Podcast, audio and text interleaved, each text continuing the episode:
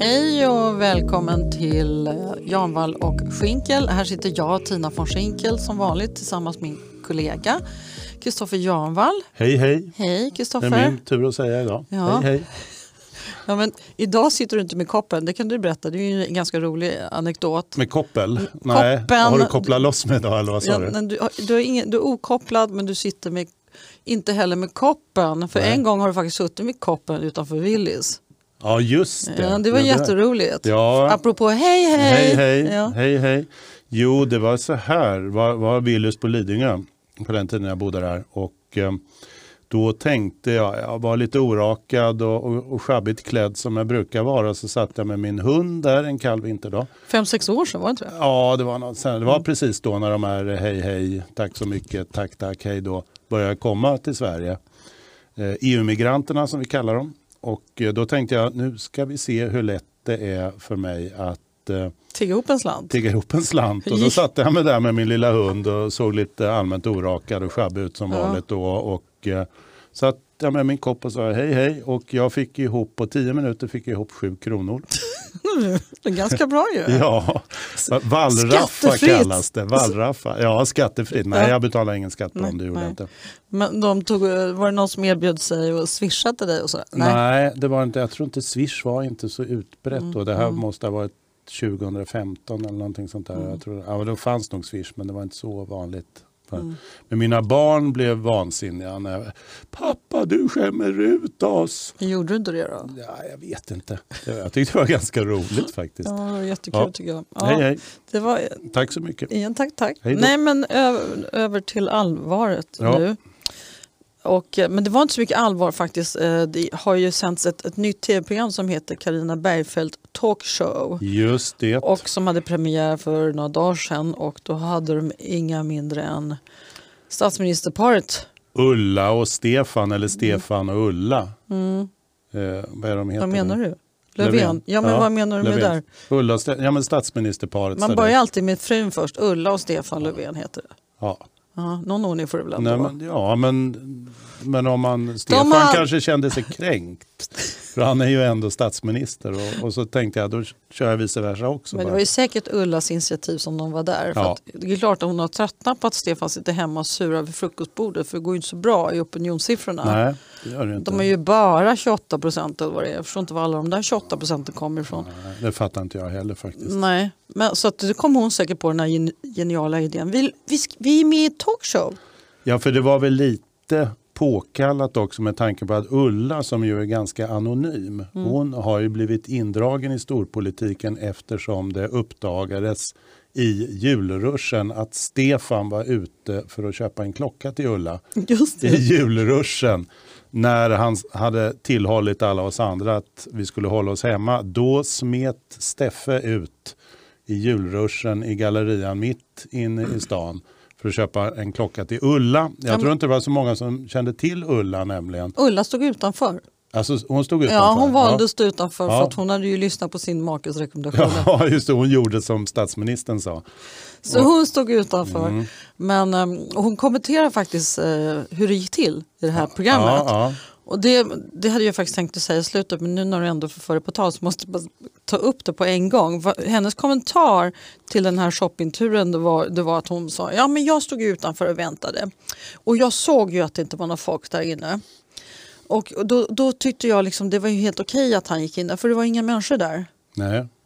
Jo, Steffe var ju där. Ja, men var inte det liksom lite konstigt och, och, sätt att approchera det? Det var ju tack vare att inga andra människor var, att de inte Jo. var där som gjorde att han kunde gå in. Och då kan man vända på kuttingen. Har Exakt. han använt sig av de här rekommendationerna eller framfört dem bara för att han ska gå och handla? Bara Alltså, för att få vara ensam ja, i gallerian. Det blir ju helt ja. absurt. Fattar inte hon att, att, Ja. att hon kan inte använda det som argument? Nej, men eh, det tror jag inte Ulla fattade om jag ska vara riktigt ärlig. Jag vet inte hur, hur Jo. eh, kvicktänkt hon är, men hon, Det är hon absolut. hon du, syns inte så ofta i alla du fall. underskattar Ulla. Ja. Har Ja, nej, jag, ett... eh, jag vet ingenting. Jag säger inte vare sig det ena eller det andra, men jag vet inte hur kvicktänkt hon är. Men, men eh, det var ju lite konstigt argument, det håller jag med om faktiskt. Nej men hon har faktiskt eh, jobbat hon, har varit, hon var ju faktiskt väldigt aktiv inom eh, den socialdemokratiska rörelsen. Mm. Och hon var partisek- assistent åt partisekreteraren Karin Jämtin. Mm. Men när Stefan Löfven blev stats- eller partiledare 2012 eh, då ja, bestämde hon sig för att lämna det uppdraget. För då blev det lite för nära varandra tyckte Ja, hon. Ja. ja, men hon är väl fortfarande aktiv i socialdemokratin? Ja, och då, då var det mycket snack vad skulle hända då när hon slutade då eh, ho- hos Karin Jämtin. Hon blev ju inte bara hemmafru och stod och Nej. strök Stefans Du skjortor. ville de inte riktigt vad säga vad som skulle hända med henne och då var det många som spekulerade i att hon skulle få uppdrag för um, sossarnas egen lilla sidoorganisation som heter Tro och solidaritet Ja. som är en kyrklig sido... Ja, eller kyrklig religiös numera. Det var ju Helt gamla rätt. broderskaparna som var absolut kristen. Mm. Och, och så blev det för några år sedan tro och solidaritet för att Mm. Man släppte in framförallt muslimerna som man då ville ha in i partiet. Mm. Men hon, hon, eh, hon anställdes aldrig där. Däremot så eh, har hon nu fått en plats i kyrkomötet. Ja.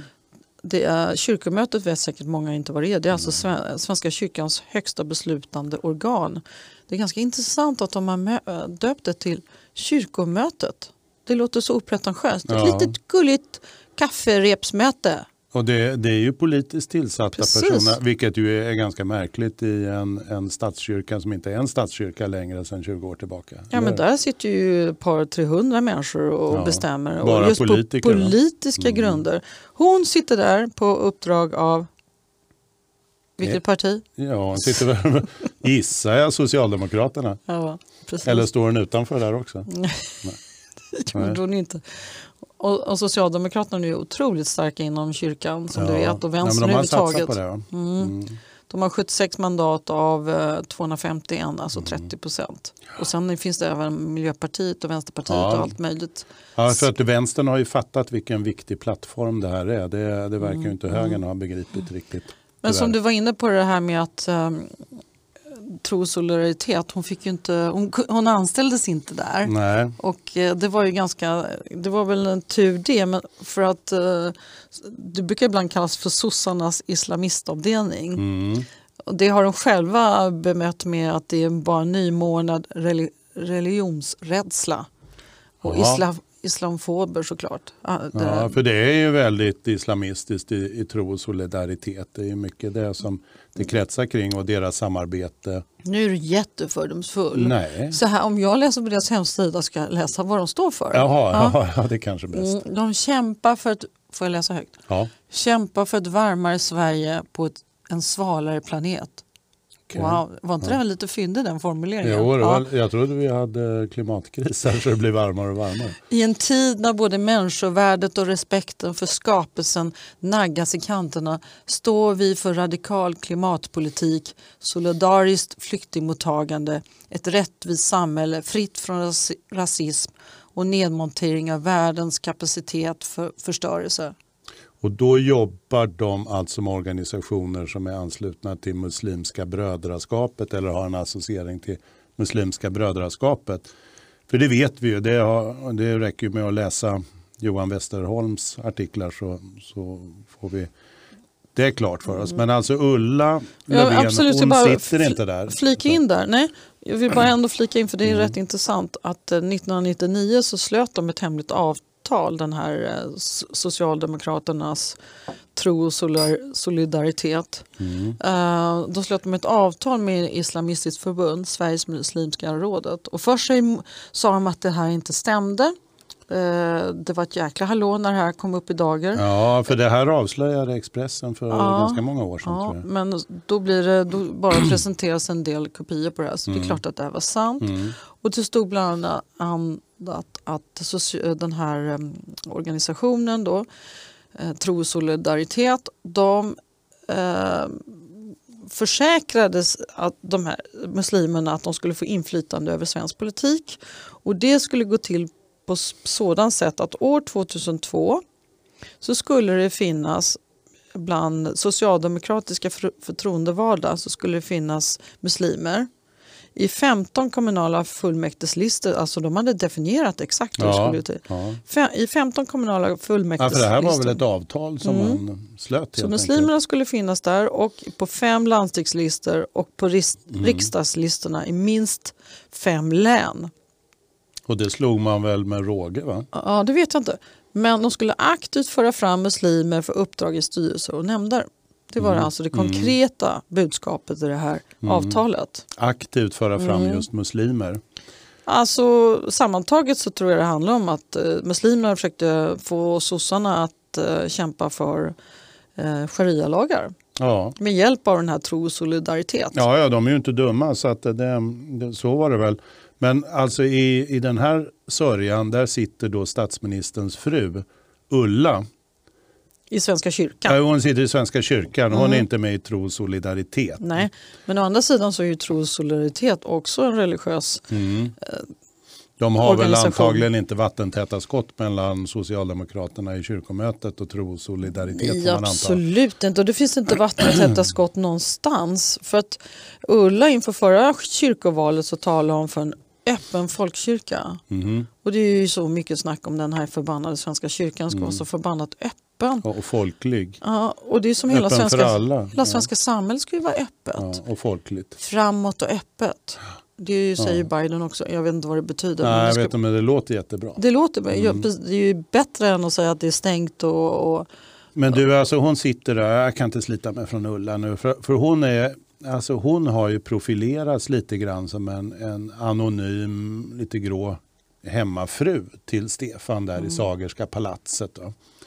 Där hon och stryker i hans skjortor. Men hon sitter alltså i kyrkomötet och är gift med statsministern och kyrkomötet är då högsta beslutande organ i Svenska kyrkan. Och Svenska kyrkan de har då samarbete, ganska mycket samarbete med Islamic Relief som är kopplat till Muslimska brödraskapet. Så det är en, en riktig sörja som Ulla är med i. Ja, vi är inte färdiga där. Nej. Sen finns det även att Sida, du vet, Karin Jämtin, Ja, Ullas det. före detta arbetsgivare det. kan man säga. Mm. Hon är generaldirektör på Sida och Just det. Sida i sin tur ger ju massa pengar till Islamic ehm, Relief. Mm.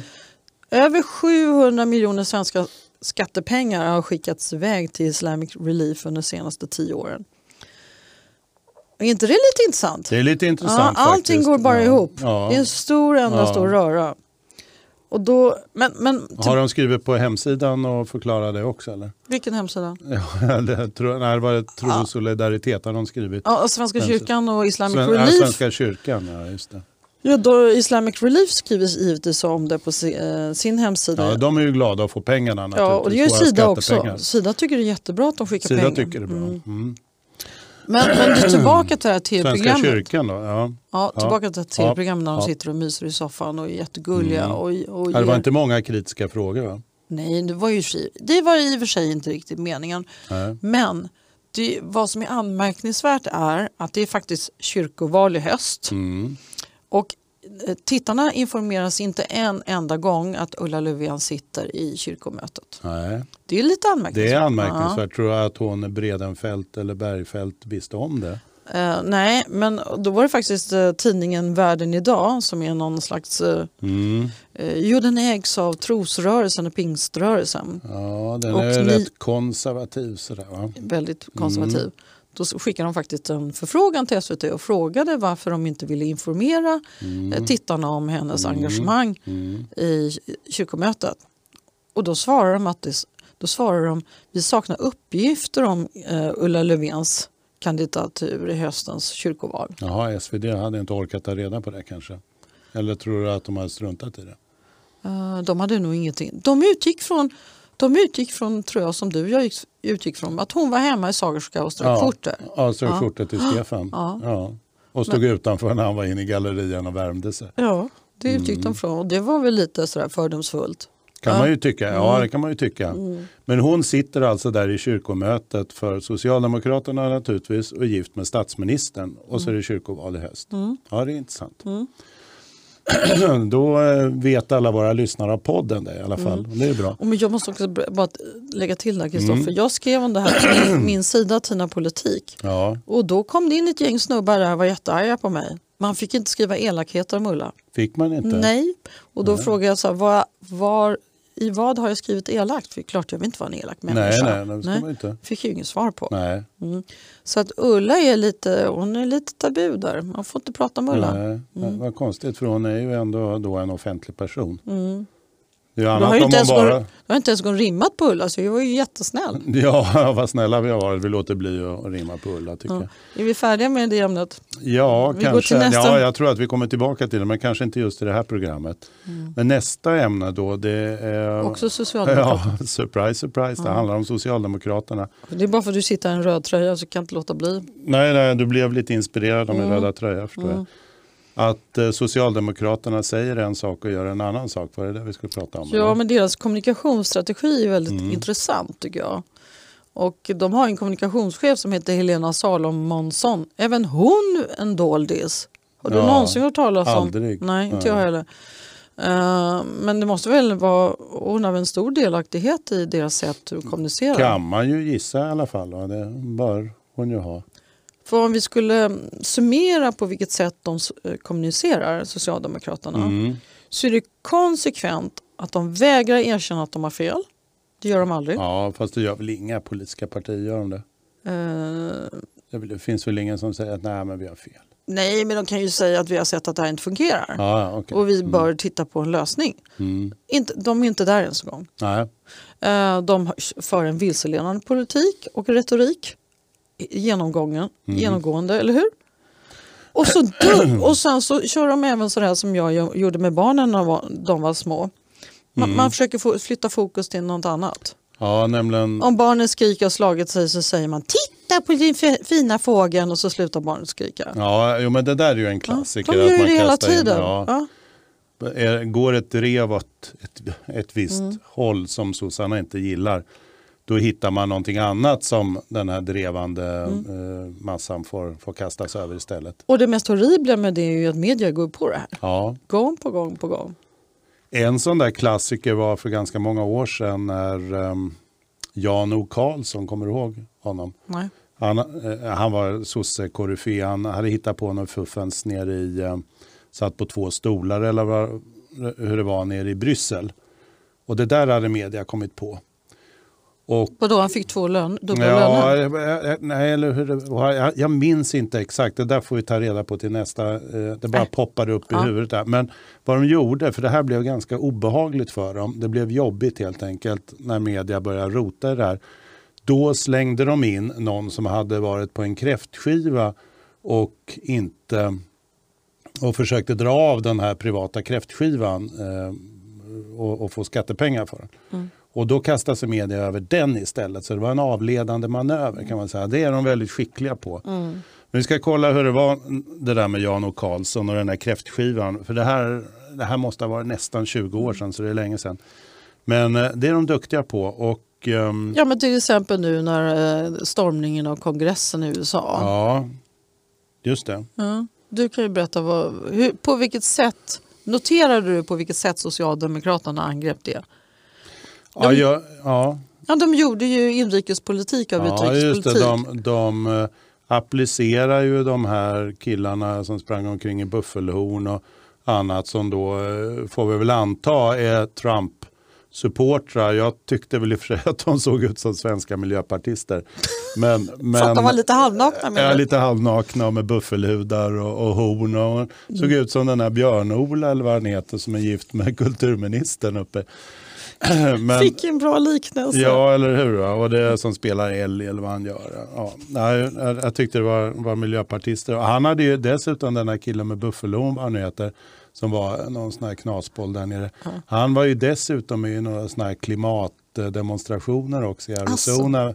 Så han, han hoppar nog in på i stort sett varenda demonstration och ställde till det, misstänker jag. Och, men vad, hur som helst, de är väl... eh, Men de var, majoriteten var vita män. Ja, ja, vita, ja, vita män var. Och vad gjorde man då? Jo, då applicerade man det här på eh, Sverige och Sverigedemokraterna. Gjorde man. Titta Ja. här, var det inte så? Va? Jo. Därför att eh, skattemedias bild, om, om du lyssnar på Sveriges Radio och Sveriges Television så är det ju att det är lågutbildade hillbillies vita, gärna, eh, gärna arbetslösa också, som röstar på Trump. Inga andra, precis inga andra. Vilket ju är helt fel naturligtvis. Nej, men det är ju ett, ett genomgående förakt mot den eh, vita arbetarklassen. Ja, och, och det föraktet precis- applicerar man då i Sverige. Ja, och det är rätt intressant för det är precis den klassen som har byggt upp hela socialdemokratiska rörelsen. Ja, det är ju sossarnas gamla väljare Ja. som har, har bytt till Sverigedemokraterna nu. Och de fnyser de åt nu. Visst är Ja. det rätt intressant? Och det gör man ut och, och, och kommer undan med det. Det är ingen som tycker att det är konstigt. Nej, man får lov att ha den här föraktfulla tonen. Ja, det är i varje fall ingen som reagerar på det och, och går i polemik. Men däremot svarta analfabeter från Somalia, det är okej. Men vita analfabeter från Mellanvästern, det är inte okej. Nej. Nej. Men eh, apropå, sen, det håller jag verkligen med dig om Kristoffer. En annan sak som, som stör mig det är Morgan Johansson som ideligen ljuger. Ja. Och, eller antingen ljuger han eller så, får han, så, så är han medvetet vilseledande. Och ett praktexempel är de här siffrorna kring migrationspolitiken. Vi har sagt det förr. Men Mm. han fortsätter, han ger sig inte. Och han eh, har ju sagt att eh, det är ju så låg, det är ju inga som invandrat till Sverige, det är ju så lågt hela tiden. Och vi hade ju, fick ju över nästan eh, över 90 000 uppehållstillstånd förra året beviljades. ja, trots att det var corona. Ja, och i Och normalt så jul, brukar det ligga en bit över 100, va? Ja. men det var lite lägre då. Och vad gör de då? Ja, i julas så smyger de ut ett lagförslag Mm. hur de ska kunna öka invandringen ännu mer genom att införa en ny För grund. det här är ju sossarnas en humanitär, Mm. humanitärt skäl. Ja. Och det är ju intressant, eller hur? Mm. Ja, det är det. Och, och vad är det Morgan Johansson säger då? Jo, han använder helt andra siffror än de Helt som... andra siffror. Och eh, han, eh, till exempel har han också nu pratat om att nu ska det införas språktest på de som ska bli svenska medborgare. Mm. Och det har ju framförts många gånger förut. Han är ju inte Ja, först på plan. nej. Men Det var väl Folkpartiet som började med det en gång i tiden? Ja. Det? Innan har det inte varit, innan har varit en icke-fråga för invandringen var så låg. Ja, Så då var man inte, lärde sig svenska Ja. helt enkelt. Nu är det ett helt annat scenario. Mm. Idag klarar man sig i Sverige hela livet på arabiska. Ja, för du bor ju bland arabiska. Ja, Men, men och vad, var vi någonstans? Vad pratade om? jo men det var Morgan Johansson och det, han tyckte inte han då en gång i tiden att det var rasistiskt att kräva att man skulle lära sig Precis, svenska. han har skrivit ett blogginlägg men nu har han Ja. plockat bort det. Alltså han plockar Ja, bort men. Bulletin eh, hittade den för det finns tydligen ett sätt att leta upp Aha, gamla, aha. raderade blogginlägg. Så Aha. de, il- de publicerade det igen, det var ju lite roligt. Mm. Sen så är det här med coronastrategin. Vad sa Morgan då? Han är ju tyst som vanligt. Ja, ja, är När det inte passar honom så är han tyst. Nej, såklart. Det här med coronastrategin, ytterligare ett sätt hur de kommunicerar det. De försöker låta det som är fantastiskt att nu vaccineringen har satt igång. Ja, Sverige 147, till dags datum, vi spelar in det här i eh, 20, 21, 20 januari. ja. Då har ungefär 147 000 blivit vaccinerade. Mm. Det är att jämföra med Israel Mm. som har haft 2 miljoner vaccinerade. Just det. Mm. Och 300 000, alltså dubbelt så många som, som Sverige har lyckats vaccinera en gång. 300 000 har fått andra sprutan i Israel. Och då kan man ju, säga, om det här ska gå i samma långsamma takt, för nu är vi, befinner vi oss i fas 1. Och då ska vi säga att Israel har lite färre människor än vad Sverige har. Ja. Fast vi, tycker ju, vi har fått lära oss att vi ska tycka, inte tycka om Israel, så du får inte prata om det. Nej, okej. Mm. Förlåt. Men jag vill säga, vi, nu är vi i fas 1 av fas 4 av vaccinationsprogrammet. Folkhälsomyndigheten Mm. har satt upp det. Så vi är fortfarande i fas 1. Fas 2 ska börja först i februari. Det är då man ska börja vaccinera de som är över 70. Mm. Då kan vi börja räkna ut, och ska det gå så här långsamt, det går tydligen uppenbart väldigt långsamt den här vaccinationen. Det kommer att ta tre år innan Sverige hunnit vaccinera 7 miljoner. Eller två år för att vaccinera 5 miljoner om det går så här långsamt. Mm. Ja. Men det är ju ingenting som, det är ingen som pratar om Nej, nej. Och de- nej alltså man, någonstans så borde man ju reflektera över den tidsramen tycker man. Och jag tror inte trånga 16 är eh, antal vax, vacciner du får hit. Utan jag tror trånga 16, vem ska göra detta? Och Mm. det pratas inte om det. Nej. Vilka ska utföra alla dessa miljoner vacciner som ska, vaccinationer Har vi inte en ske? himla massa eh, sysslolösa människor här i, i landet som skulle kunna lära sig att ta en sån där spruta? Eller, att, eller ge en sån där spruta Mm. snarare. Men man ska ju, någon ska ju organisera det också.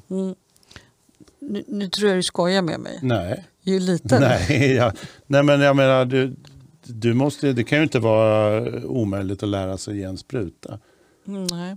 Eller hur? Nej, man ska veta vet var man ska inte. sticka. Nej. nej men det må- måste ju finnas jättemånga som eh, kan, Du får testa.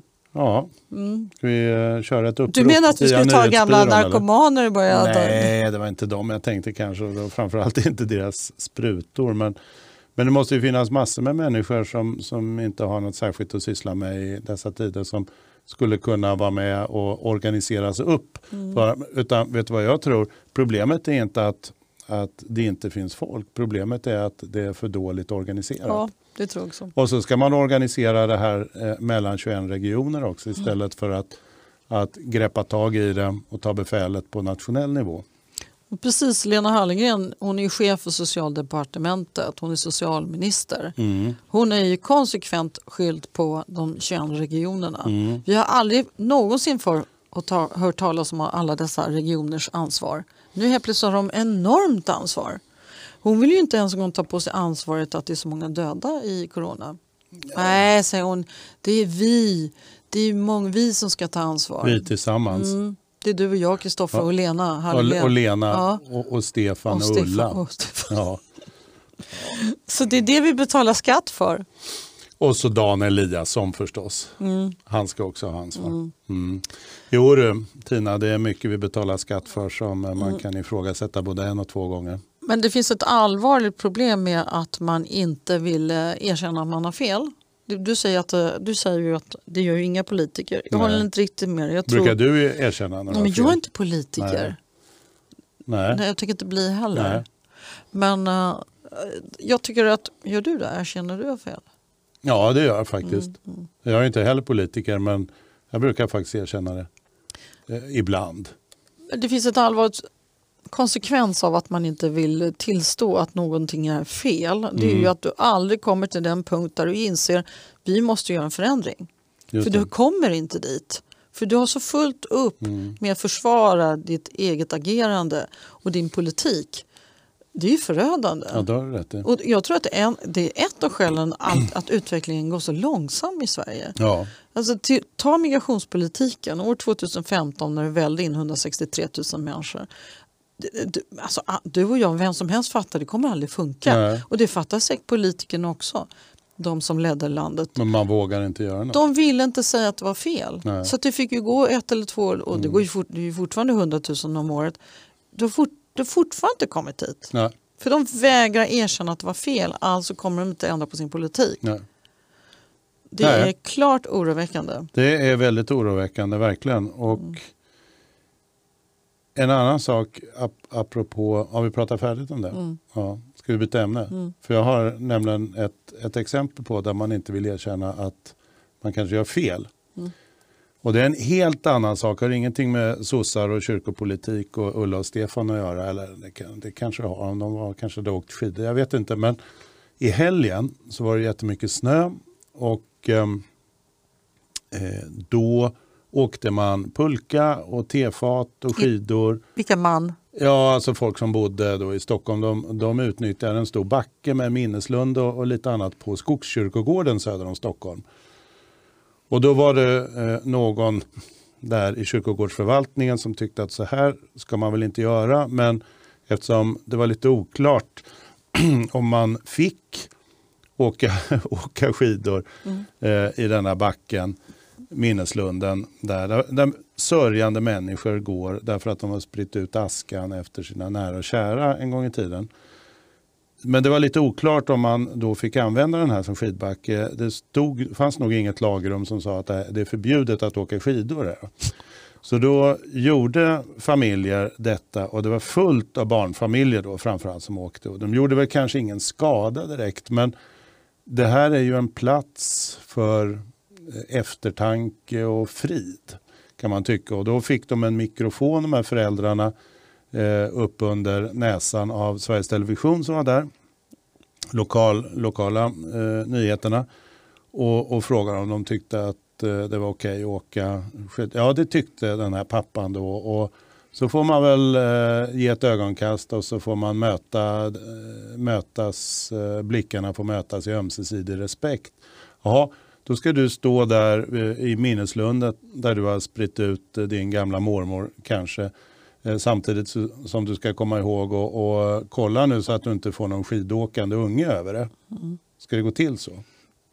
Ställer du frågan till mig? Ja, jag, ställer, jag, alltså, jag tycker inte det är okej. Okay. Din fråga är ja. din fråga om, om jag tycker det är okej att åka jag skidor, blev upprörd. de skidor på de döda. Ja. Det, är, det är frågan. Ja. Är det okej att åka skidor på de döda? Ja, i princip. Mm. Mm. Tycker du det? Ja, jag tycker det är ingen... Jag läste mormor. också det där.